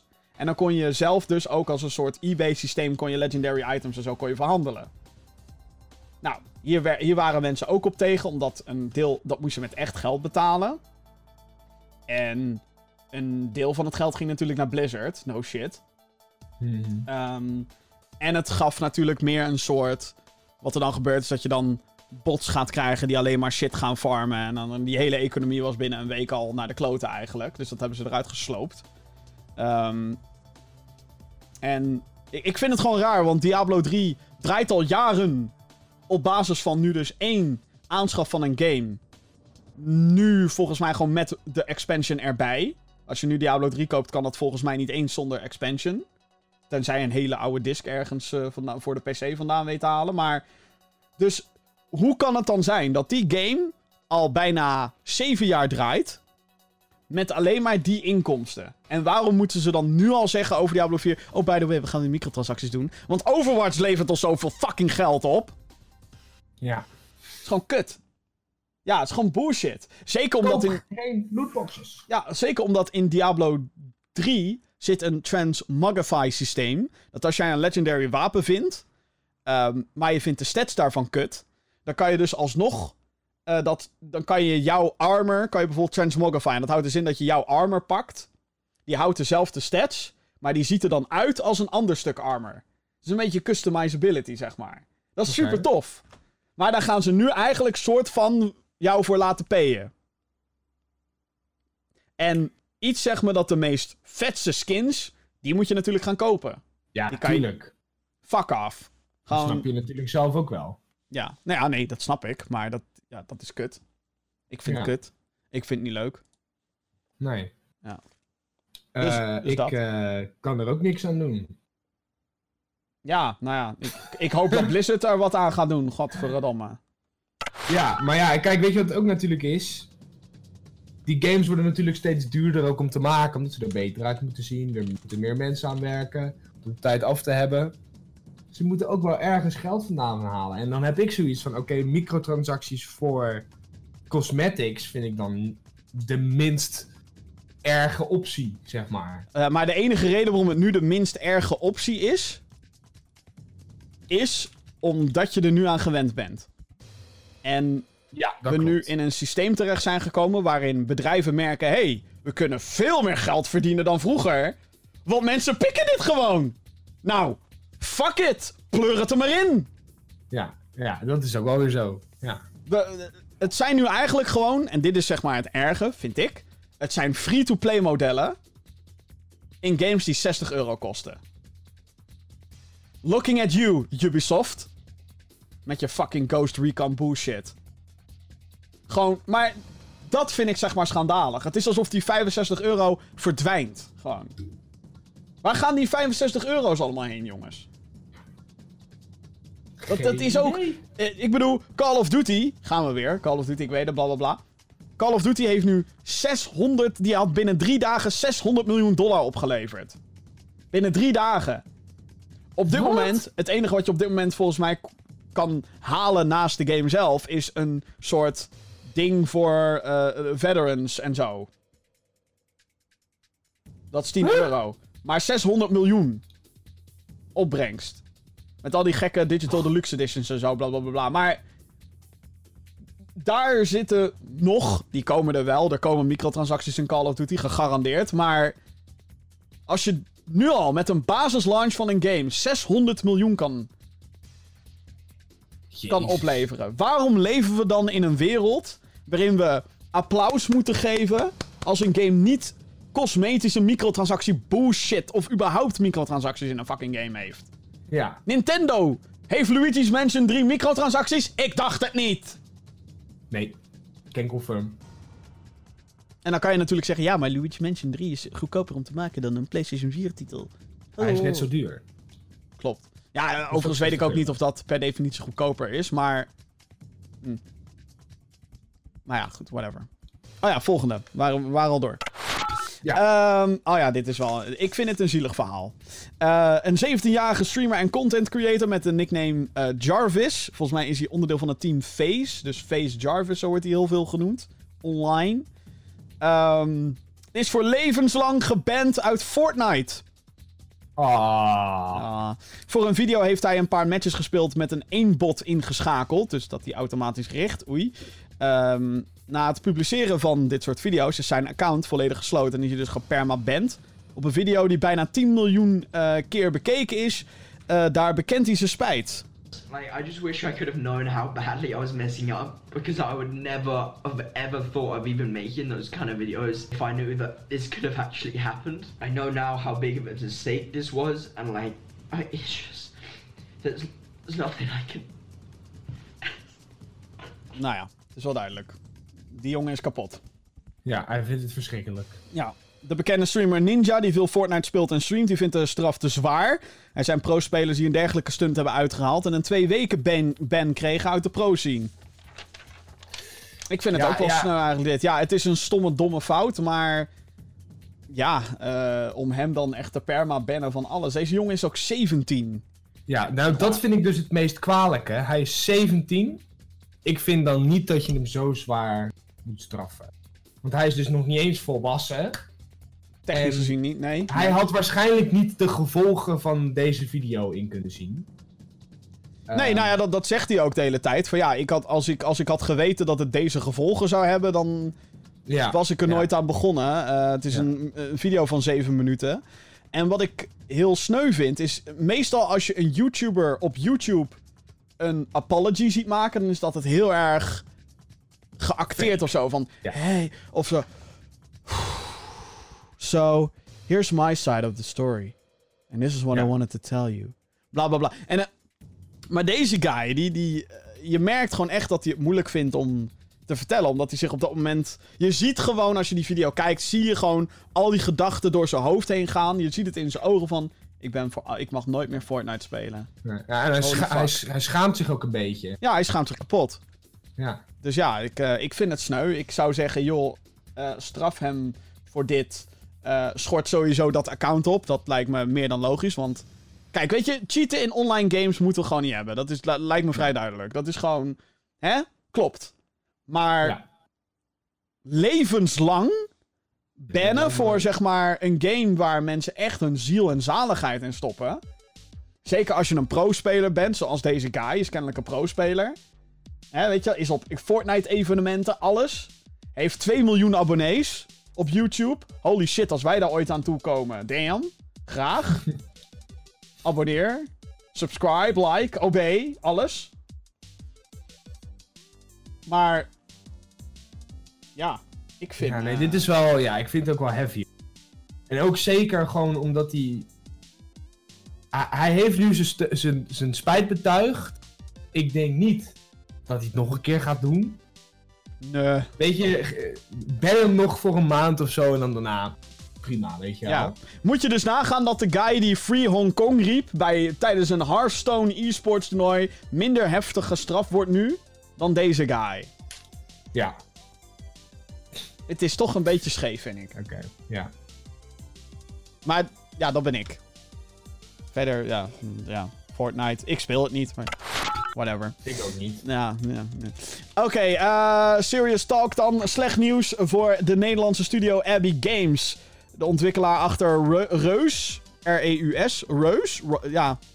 Het is een Nederlandse game, fuck ik. Ik zeg gewoon Reus. En eh, Renowned Explorers heeft afgelopen week aangekondigd dat ze flinke personeel gaan korten. Hun laatst uitgebrachte titel Godhood, die doet het helaas niet zo goed. Adriaan Jansen, directeur van de studio, heeft tegenover Gamer.nl gezegd dat het bedrijf te groot is geworden voor de omzet die behaald wordt. En dat we ervan uit moeten gaan dat de studio gaat sluiten. Oh. De studio gaat nog wel door met het ondersteunen en afmaken van het eerder genoemde Godhood. Deze is nu nog in early access op Steam. Op dat platform zijn de recensies gemixt wat betreft de kwaliteit van de game. Ja, spijtig. Ja, vind ik wel. Ik, eh, eh, ik heb Renowned Explorers nooit gespeeld. Godhood ook niet. Het ziet er voor mij te simpel uit. En dat is absoluut niet bedoeld als een belediging, maar ik denk van ja, hier zijn er heel veel van. En waarschijnlijk ook beter als ik het zo zie. Dus eh, ik heb geen unique selling points. Nee. Om het maar even in marketingtermen te gooien. Eh, maar Reus vond ik echt heel tof.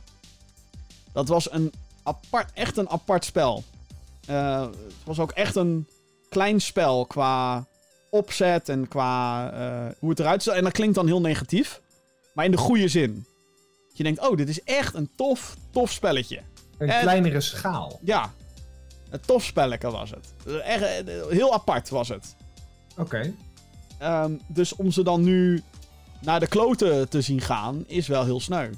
Ja. Aan de andere kant, ja. eh, kennelijk hebben ze ergens niet de goede beslissingen gemaakt. Eh, want als je. En dat, dat, dat is, dit is trouwens zo'n groot risico elke keer. Want elke indie studio die een succesvolle game heeft. Hè, waardoor je. risico. Ja, want wat, wat ga je daarna doen? Ja. Als, als, als indie studio ga je een sequel maken. Nou, dan moet je kijken of die interesse wel er voldoende is. En of een sequel eh, op een game daadwerkelijk iets kan toevoegen. Want ik denk dat een Reus 2... hm, ik weet niet of dat inderdaad gewerkt zou hebben. Maar Renowned Explorers was ook, een succes. Van wat ik ervan heb begrepen. Ehm, en daarnaast is het voor zo'n indie studio natuurlijk vaak... dat als je een nieuw project begint... Hè, je hebt geen... Zeker als je echt, echt indie bent... Je hebt dan geen publisher achter je die geld heeft. Je hebt geen andere partij. Die eh, misschien, misschien investeerders of zo, maar dat, hè, dan blijf je als gaming entiteit blijf je onafhankelijk. Ehm, maar dat is wel. eh, dat is altijd een risico. En om dan nu zeg maar Ja. te zien dat dat weer met een Nederlandse partij dat dat niet goed gaat, dat vind ik. Ja, Gewoon sneu. is- ja, is gewoon sneu om te zien inderdaad. Ja, ik ken verder de games en de studio niet heel erg. Eh, het is gewoon heel naar als zoiets gebeurt. En ik kan maar gewoon alleen hopen dat, eh, dat deze mensen die hier werkten dan bij deze studio eh, nog iets gaan vinden waar ze weer een beetje geld uit kunnen halen en dat het komt met ze. Ja, ik bedoel, het is. eh, maar het is sowieso. De indie-markt is zo lastig om doorheen te breken. Zeker Steam. Eh, Steam is al lang niet meer het platform van vijf jaar geleden of zo. Als je vijf jaar geleden überhaupt een game op Steam uitbracht, was je de man. Nu kan letterlijk iedereen kan iets uitbrengen op Steam. Dus Dus je verdwijnt heel erg in de massa. ja, je moet zeg maar echt. eh, je moet weten wat jouw spel uniek maakt. En je moet dat aan de juiste mensen zien te brengen. Die, de, die zijn weg vinden naar zo'n Steam store page. Ja. En als dat niet lukt, om wat voor reden dan ook, en vaak ook nog eens ongeacht de kwaliteit van een spel, en dat klinkt dan heel lullig, maar ik bedoel, we zien hoeveel hentai games er op Steam zijn. en geloof mij, maar er worden echt niet zoveel hentai games gemaakt op Steam als ze niet heel veel geld opleveren. Dus daar is een publiek voor en die heeft daar, die vindt daar zijn niche, zeg maar. Ja.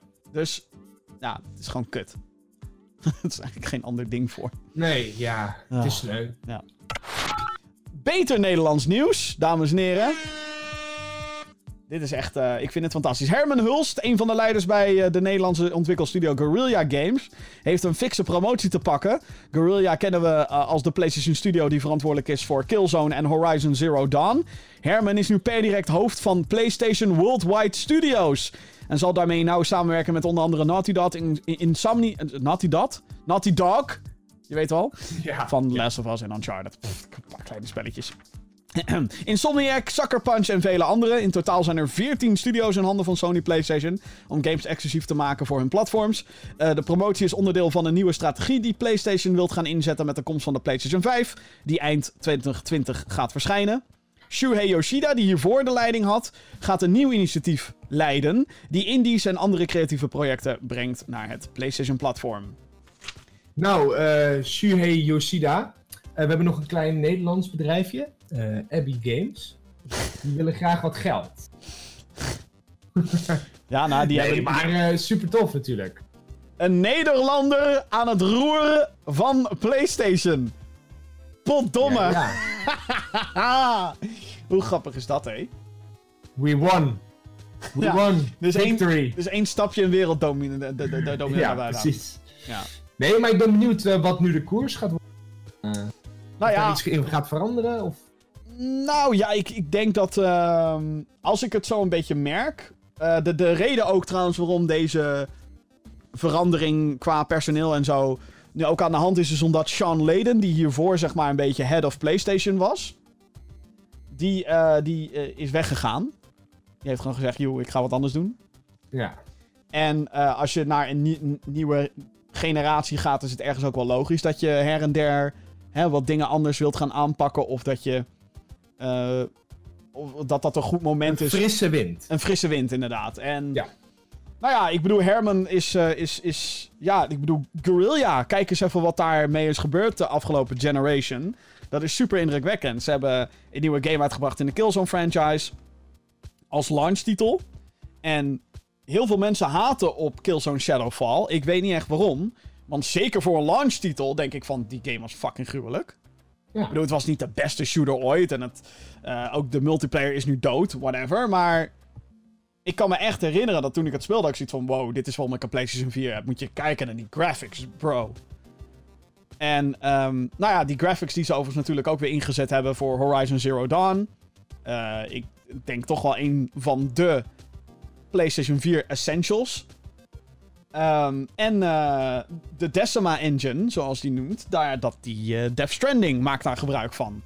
Ja. Eh, dat zie je ook wel een beetje, vind ik, aan character models en gras en dat soort dingen. Maar, ehm, dus, dus deze die Herman weet wel heel goed wat hij doet, heb ik het idee. Als je Guerrilla... En Guerrilla is sindsdien alleen maar gegroeid. Volgens mij zijn ze ook naar een ander gebouw gegaan... omdat ze nu 250 man in dienst hebben of zo. Eh, ze zijn waarschijnlijk... Is nog niet allemaal officieel confirmed... maar ze zijn bezig met meerdere projecten. Ehm, wat... één daarvan is sowieso Horizon 2. Nogmaals, ik weet niks, maar... Het zou fucking gaar zijn als dat niet het geval zou zijn. Eh, en ja, die andere... Ik, ik hoop stiekem op alsnog een nieuwe Killzone... maar dat moeten we nog maar zien. Ehm, dus ja, dat, dat, dat hij dan PlayStation gaat leiden. En nogmaals, hij gaat natuurlijk niet in zijn eentje beslissen wat iedereen gaat maken. Maar hij zal daar wel een belangrijke rol in spelen. Van goh, ehm, hè, want niet iedereen moet een Horizon-achtige game gaan maken. Want dan is je portfolio gewoon niet divers genoeg. Nee. Kijk naar Nee. wat er met Ubisoft is gebeurd, bijvoorbeeld. Ehm, dus hè, Insomniac is ongetwijfeld bezig aan Spider-Man 2. Dat is superhelden, dat is massa, dat is heel breed. Eh, dan heb je nou, Horizon 2 en Killzone, dat zijn ook grote massa-titels. Maar, dan is het, en, en, maar wat Sucker Punch nu bijvoorbeeld doet met Ghost of Tsushima, dat is een samurai game.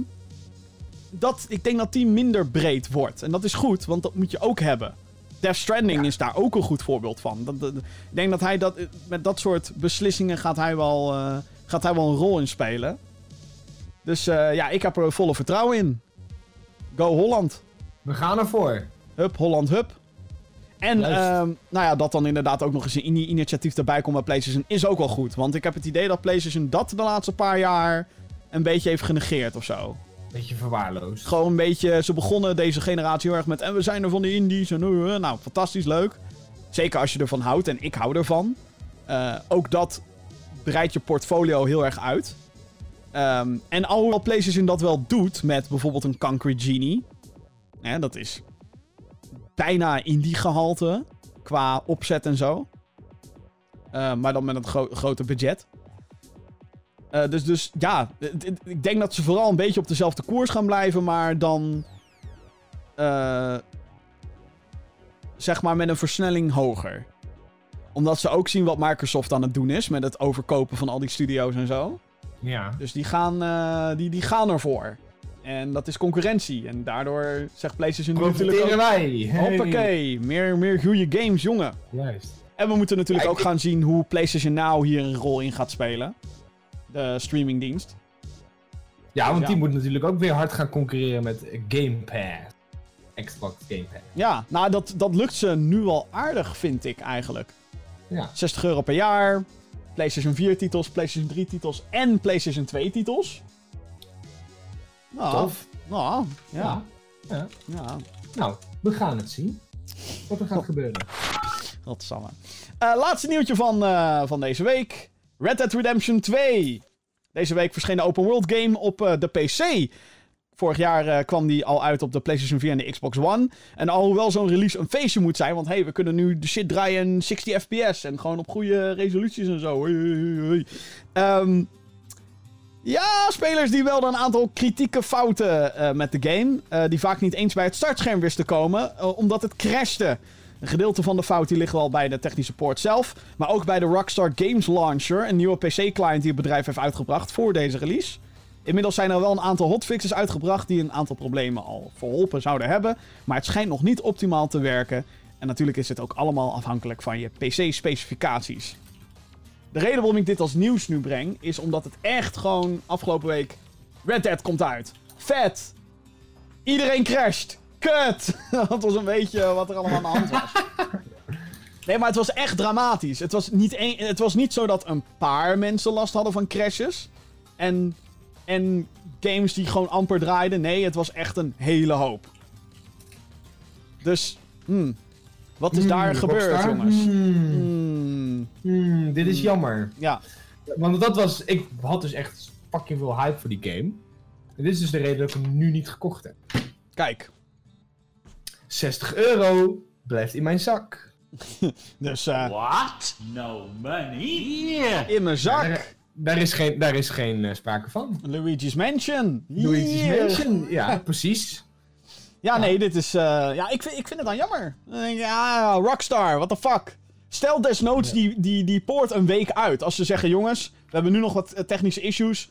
Hij komt een weekje later. niemand die het had geboeid. Helemaal niemand. Nee, nee, nee. Helemaal niemand. Ja, tuurlijk, er zou- zouden dan wel een paar crybabies die er zouden zeggen... Maar ik wil nu spelen. eh." Oké. Maar... Ik bedoel, wel- want nu komen er dus ineens allemaal patches van... Oh kut, we moeten het fixen. Oh kut, oh kut. Maar dan denk ik wel van... Hé, hey, Rockstar, jullie zijn niet de kleinste. Eh, jullie hebben hier denk ik best wel een tijdje aan gewerkt aan deze PC-poort. Dit is niet dat jullie dit in een weekje zo hebben gedaan. Hoop ik. Nou, Dus- dat denk ik niet, nee. What the fuck? Test je shit. Anders Ja, test je shit. Dat is de moraal van het verhaal. Ja. Test je shit. En het is ook wel opvallend, want ik heb sinds dat die Rockstar shit is overgegaan naar Rockstar Games Launcher. Ik heb er nooit wat van gehoord dat daar dingen fout zijn gegaan met GTA bijvoorbeeld.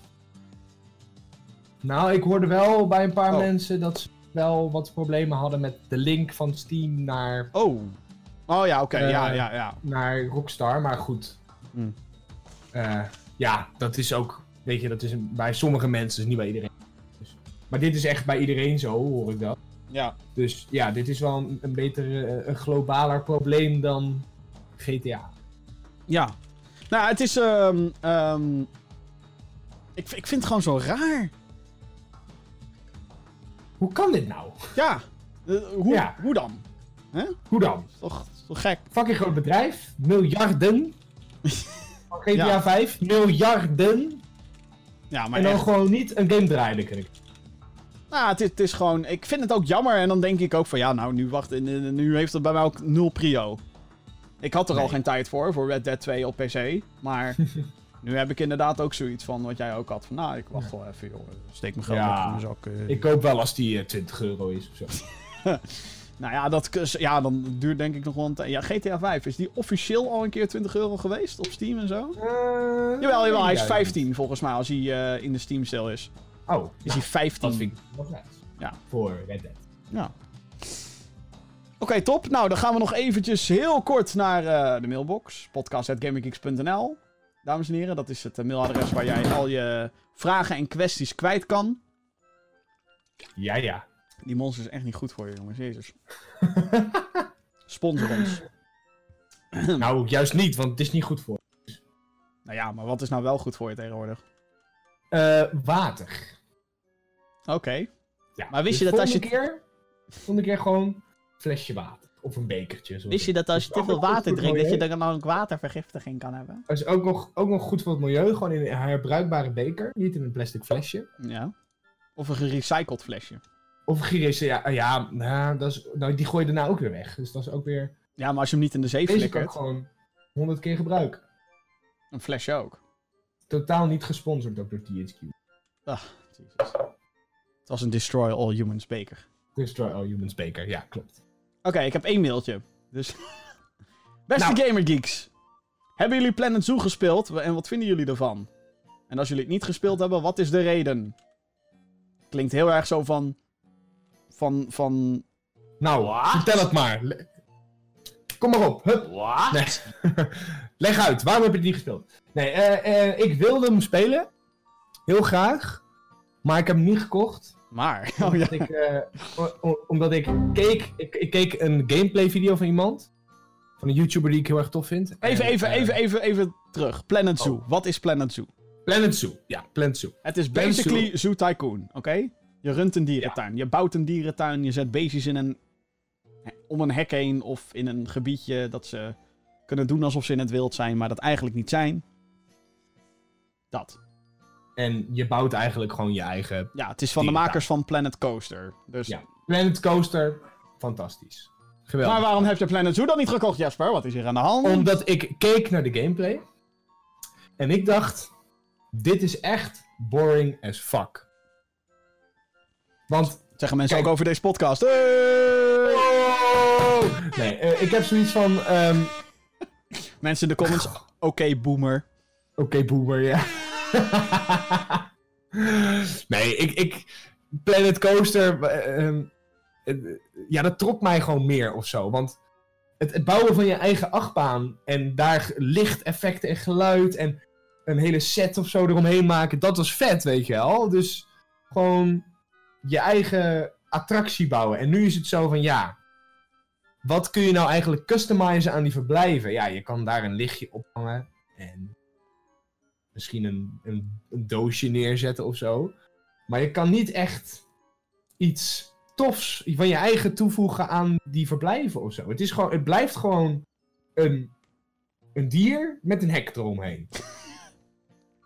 ja. Dus ik heb zoiets van, ja... eh Nee, ik skip hem. Nee. nee sorry. Nee, ik skip hem. ik, eh, het lijkt mij een ontzettend leuke game. Alleen, ik kom weer met dat hele ouderwetse gezegde... Oké, boomer. Eh, tijd. De timing is echt kut dat ze dit uitbrengen. Sorry, het is echt kut. Ik weet dat het alleen op PC is, dus dat je op, in die zin al een soort niche aanspreekt eigenlijk. Ehm, maar ja, eh, Death Stranding, eh, Call of Duty, dit, dit is gewoon te veel allemaal, jongens. En ik moet zeggen, ik vind het er dus echt heel tof uitzien. Of het leuk is om te spelen, ja, ik vind dat altijd heel lastig eh, eh, beoordelen. Dat vind ik altijd wel met, met point-and-click games. En dat is Planet Zoo natuurlijk ook, in de zin van dat je letterlijk met een muis iets aanwijst en moet klikken. Mhm. Ehm, maar ik vind, ik vind wel dat die, die, die, die, de manier hoe die beesten allemaal geanimeerd zijn en zo, ik vind dat best wel indrukwekkend. Dus dat vind ik wel heel cool. En dat je natuurlijk ook gewoon de, de pleuris kan laten uitbreken door, of, of door een fout, dat je gewoon een, een verblijf niet goed hebt ontworpen of, of hebt neergezet, waardoor een leeuw kan ontsnappen. Dat gewoon, Ja. mm, nou, help. Ehm, of dat je dat... Overigens eten die beesten niet je bezoekers op. Wat een kutspel. Wat erg jammer is. Wat Ja. een kutspel. Nou, precies. Nou ja, ja. hm, hm. Dat vind ik wel Maar jammer ja, nee, inderdaad wat je zegt. Dat is dan wel grappig, maar dat is dan voor één keer grappig. Weet je wel? Nou, ik weet niet hoor. In, in Rollercoaster Tycoon eh, vind ik het nog steeds heel leuk om zeg maar een karretje veel te hard la- te laten... Oh nee, je park heeft een slechte reputatie. Who cares? Ja. Opblazen die Ja, nee, maar dan, zeg maar, als je Klote dus een- panda-beer, verdrink hem! Die in, in, Rollercoaster je- Tycoon, zo'n gast in een pak, niet een echte pandabeer. Pandaberen zijn schattig. als je zeg maar ehm, een karretje dus in, je, in het publiek laat rijden, dan vliegen al die mensen alle kanten op, weet je wel. En dat was heel grappig. Maar nu is het zo van, ja, ze rennen er een beetje aan en ze rennen je park uit en Dat is wel jammer. Ik vind dat oprecht wel jammer. ja, Het hoeft niet allemaal super luguber. Ik, hoef- ik bedoel, de darmen hoeven er niet uit te liggen en zo. Maar je kan toch wel een animatie doen dat iemand wordt gepakt, gegrepen door een leeuw en wordt meegesleurd. Dan weet je in ieder geval wat de gevaren zijn van zo'n beest. Ja, toch? Of is, ben ik dan nu weer Ja. te... te... Nee, wat, wat er nu gebeurt is, zeg maar, die, die beesten die lopen dus... eh, ik zag het nu bij iemand die liet olifant ontsnappen. Ah, Die olifant liep, dus het, eh, die liep het, eh, het pad op. Oh, en nee, ja, een olifant en een, een jaguar. Een luipaard. Oh ja, nou, En, nu ga je wel ehm, echt voor een gradatie hoger natuurlijk, hè? Qua... Ja. En die liepen dus het verblijf uit, gewoon het pad op. En er ging een alarm af. En ehm, dan lopen ze een beetje zo erachteraan. En sommige mensen, sommige NPC's blijven gewoon staan. Die staan zo gewoon te kijken. Zo van, Oh, en dat is wel echt me eigenlijk niet zo boeien. immersie. En er zijn ook een paar die in paniek raken en die gaan weg. En, Oh, wel, ik eh, zeg dat nu wel, maar dat zou in het echte leven ook gebeuren, joh. Er zou- zouden genoeg mensen zijn die gewoon hun telefoon zouden pakken. Kijk, een olifant! Ja. Nee, maar deze staan gewoon nog steeds gewoon naar die dieren te kijken. Zo van, ja, oké, leuk. En, ehm ja, en, en ze, ze rennen je park uit. En daarna komen er wat activisten met borden van, oh, wat een kutverblijf. Laat de dieren vrij. En dat is het. Hmm. Maar daar kan je dan ook weer die Jaguar op afsturen op die activisten. Dus dat is wel heel leuk. Ja, dat vind ik dan grappig. Ja, nou ja, het is gewoon... eh, Kijk, meestal Ja. is al, als, als geen van de Gamer Geeks een game spelen, maar echt geen eentje, dan is vaak wel de conclusie dat er geen tijd voor is. En dat is ook Nee. zeker nu het geval. Ik denk, dat, ik denk dat dit wel iets voor Jordi en Vincent zou zijn of zo. Ja. Ik denk dat die het wel grappig zouden vinden. Oh, jezus. Kijken. Hey Gaming Geeks, ik zou graag willen weten wat jullie van Blasphemous en Death Stranding vinden. Nou, we hebben het net al een half uur over Death Stranding gehad. Dat klopt. Blasphemous. Blasphemous is dus... Hmm. Hoe ga ik dit nu kort samenvatten? Kut. Ehm, want Blasphemous is... eh, eh, nou, voor degene die niet weet wat het is. Blasphemous is een 2D actiegame. En het is een spel waarin... eh, Het is eigenlijk een soort pixel art Castlevania. Ehm, dus een 2D actiespel, platformer, Ja. waarin je dus ook kan backtracken en zo als je nieuwe items hebt. Maar dan wel echt met een prachtige artstijl. Dat je denkt, holy shit, dit is echt zo ontzettend mooi. Ja. Ehm, ja, dit heb ik van de week zitten spelen. Eh, heel toevallig ook door Death Stranding. Death Stranding moest nog installeren en zo en een update en bla. Dat had hij allemaal niet gedaan toen ik hem op eh, rest mode had gezet. Dus toen dacht ik, hallo, wat ben je aan het doen? Nou goed, wat kan ik nu spelen wat geen disk nodig heeft? Oh wacht, Blasphemous staat er nog op. Nou, Hey. ja, en toen ben ik daar gewoon 2,5 uur mee aan de haal gegaan. eh, wat, eh, Ja. wat iets langer was Ja, dan... vooral. Want wij hebben hem deze op, eh, op Gamescom ook eh, Ja. even geprobeerd. Hebben we ook een stuk gespeeld, ja. En toen merkte ik al wel van inderdaad, de, de gameplay is heel soepel. Het, het speelt heel lekker. En ik denk dat dat voor mij in ieder geval al genoeg zou zijn om, eh, om dit te gaan spelen. Ja, het heeft eigenlijk een heel ouderwets design, maar dan komt dat hier heel, ten goed, heel erg ten goede. Ja, Omdat je te maken hebt met gewoon, hey, je, hebt, eh, je kan springen, je kan slaan met je zwaard en er zijn ook nog wat magische aanvallen. En het heeft ook een klein, heel klein beetje invloed van Dark Souls. Met dat je checkpoints hebt ehm, en dat als je doodgaat, dat je dan terug moet gaan naar de plek waar je bent gestorven om dan iets te recoveren. Ja. En, En- elke keer als je een checkpoint pakt, krijg je ook weer je, je helft terug. En... Ja, en je health potions. Dus je hebt ook weer van die health Ja. flasks. Ehm, Ja. En dat is, ik denk, als Dark Souls er niet was geweest, had dat denk ik hier anders in gewerkt. Vandaar dat ik het Dark Souls invloeden noem. Ja. Maar verder is het, ja, ik vind het op dit moment heel erg tof. Eh, Blasphemous, dames en heren. Ja. hou- Hou dat in de gaten. Of nou, hou het in de Hij- gaten. Check het. Hij, is, hij is op PC en Switch, geloof ik. PC, Switch, PS4. Want daar speel ik hem op. Xbox One? Ik denk ook op Xbox One. Denk, ik denk wel op Xbox One hoor. Het zou ja. wel heel gek zijn als die ineens wordt buitengesloten. Ja. zou lullig Nee, Ik zijn. denk dat hij daar ook wel zit. Wacht even, videogame. Ja, Xbox Dus je- One ook. Oké, dus eh, maakt niet uit waar je op speelt, je kan hem altijd spelen. Ja, nou ja, behalve als je op Stadia speelt. Stadia! Ja, maar dat is nog niet uit. Nee, klopt. Dus volgende week. Oh, oh wauw, is het ook alweer volgende week? Volgende week? 19 november. Wow. Iets meer dan een weekje. Oh my god. Spannend. Ja. Spannend. Willen we nog een mailboxje doen? Of een, mi- een, een mailbox minigamepje? Tuurlijk willen we dat. Oké, heel snel. Heel snel, oké. Heel snel. Eh, de mailbox minigame. Eh, het principe is heel simpel. Je moet kiezen. En deze heb, Ja. ik, deze heb ik speciaal voor jou gemaakt, Jeppie. Speciaal voor mij. Ah, Ja, is toch wat fijn. lief, Wat lief. Ja, als je trouwens su- suggesties hebt voor de mailbox minigame, waarin je dus onze moeilijke dilemma's en keuzes moet gaan laten maken, mail dus naar datzelfde adres: podcast@gaminggeeks.nl. Oké. Sta- Star Wars Jedi Fallen Order of Battlefront 2? Ja, hallo. Die game is nog niet uit. Ja, nou ja, je moet kiezen. Eh, Oké. Oh man. Nu, maar die Fallen Order is nog niet uit, man. Ja, maar als je nu zeg maar de keuze moet maken om één van de twee te kopen. Als ik nu zou moeten kiezen, dan kies ik voor Fallen Order. Wow. Ondanks dat ik 400 uur in Battlefront 2 heb zitten, ga ik dan toch voor Fallen Order. Ja, Oké, toch, ik, dat verhaal trekt me heel erg. Dus oké. ja, dat. Ja. Ik, eh, Hij staat ook al in de pre-order. Oh my god, ik dacht dat je hem gecanceld had. nee, grapje. Ik ga met eh, Origin Access ga ik hem spelen. ik, eh, ik zou trouwens ook voor Fallen Order kiezen. Ja. Fuck Battlefront 2. Nou. die, ga- die game heeft wel een mooi Ja, nee, nee, nee, nee. Ik, eh, ik, eh, ik moet wel weer eens een keertje spelen of zo. Ja. Eh, ja, dit wordt een hele moeilijke voor jou. Een nieuwe gen Pokémon of Generation 1? Ja, gewoon Generation 1. Ja, same. Dat is degene die ik gespeeld heb op de Game Boy Color. Ja, we krijgen er nu eentje binnen. Blasphemous of Hollow Knight? Blasphemous. Hmm. Ik heb Hollow Knight dus nog nooit gespeeld. Maar ik vind Hollow Knight er wel fucking goed uitzien. Ik heb Hollow Knight ook nog nooit gespeeld, dus daarom zeg ik Blasphemous.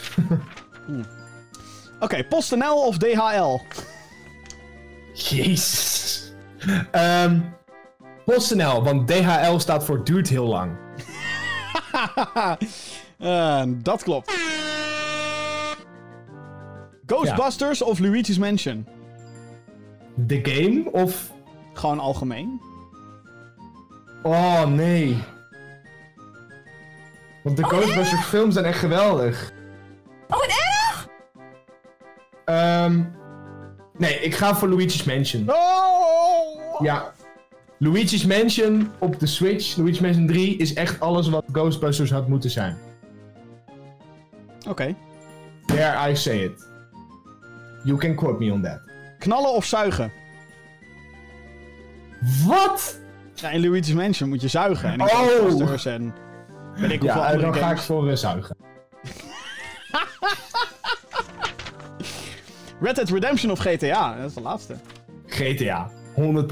Dat is same, GTA. Altijd GTA boven Red Dead Redemption. Oh, Het is, toch, het is toch leuker om met je auto te crossen dan met op een paard. Ja, ja het, het heeft wat meer mogelijkheden daardoor. Ja, ja, ook. Goed, daarmee zijn we aan het einde gekomen van deze ontzettend lange aflevering van de Gaming Geeks podcast. Dit was de 104e. Eh, mocht je dit enigszins leuk vinden, onthoud dan... Oh, zo, sorry. Ja, dat is de monster die naar boven kwam. Dat is de monster, ja. Monster, Nou, dat is ook weer klaar vanaf nu. Wat die monster... Ja, nee. Ja, die monster. Nee, Oh, dat is de laatste het, keer nu. eh, ja. Gaat helemaal mis. Mocht je deze podcast enigszins leuk vinden, vergeet dan niet eh, je te abonneren op deze show. Dat kan via je favoriete podcast app, zoals Google Podcast, Spotify en Apple, iTunes. Eh, of het nou volgen heet of abonneren. Nou, je kent het allemaal wel. Een videoversie is te vinden op youtube.com slash. En veel meer gamergeeks eh, kan je vinden op gamergeeks.nl. Heel makkelijk. Ja, En dat moet je ook Nou. doen, want aankomende week hebben we eh, onder andere, nou, een of andere review over Luigi's Mansion 3 of zo. Geen idee. ja, en die wordt tof hoor. Hey. Ja, wordt het tof, ja. Ja, die wordt tof. Ja, zeker. En ehm eh, eh, mijn review van Wolfenstein Youngblood, die staat online. Als je mij even lekker wil horen ragen, moet je naar die website Ja, nee, maar dat horen we natuurlijk graag. Uiteraard. Daar ben je, daar ben je Jim voor, uiteraard. En er komt nog ook een nieuwe review van mijn kant. Komt er aan. Ja, ja, ja, ja. Dus Een gaminggeeks.nl. klein tipje van de sluier. Klein tipje van de sluier. Iets met eh, Red, waarschijnlijk. Of Oeh. Borderlands. Ik moet even kijken welke van de twee eh, haalbaar is. Oeh. Spannend. Spannend. Hou dat in de gaten. GamingGeeks.nl. Goed, mensen, dit was de 104e aflevering van de Gaming Geeks podcast. Graag tot de volgende keer. En doei. Dag.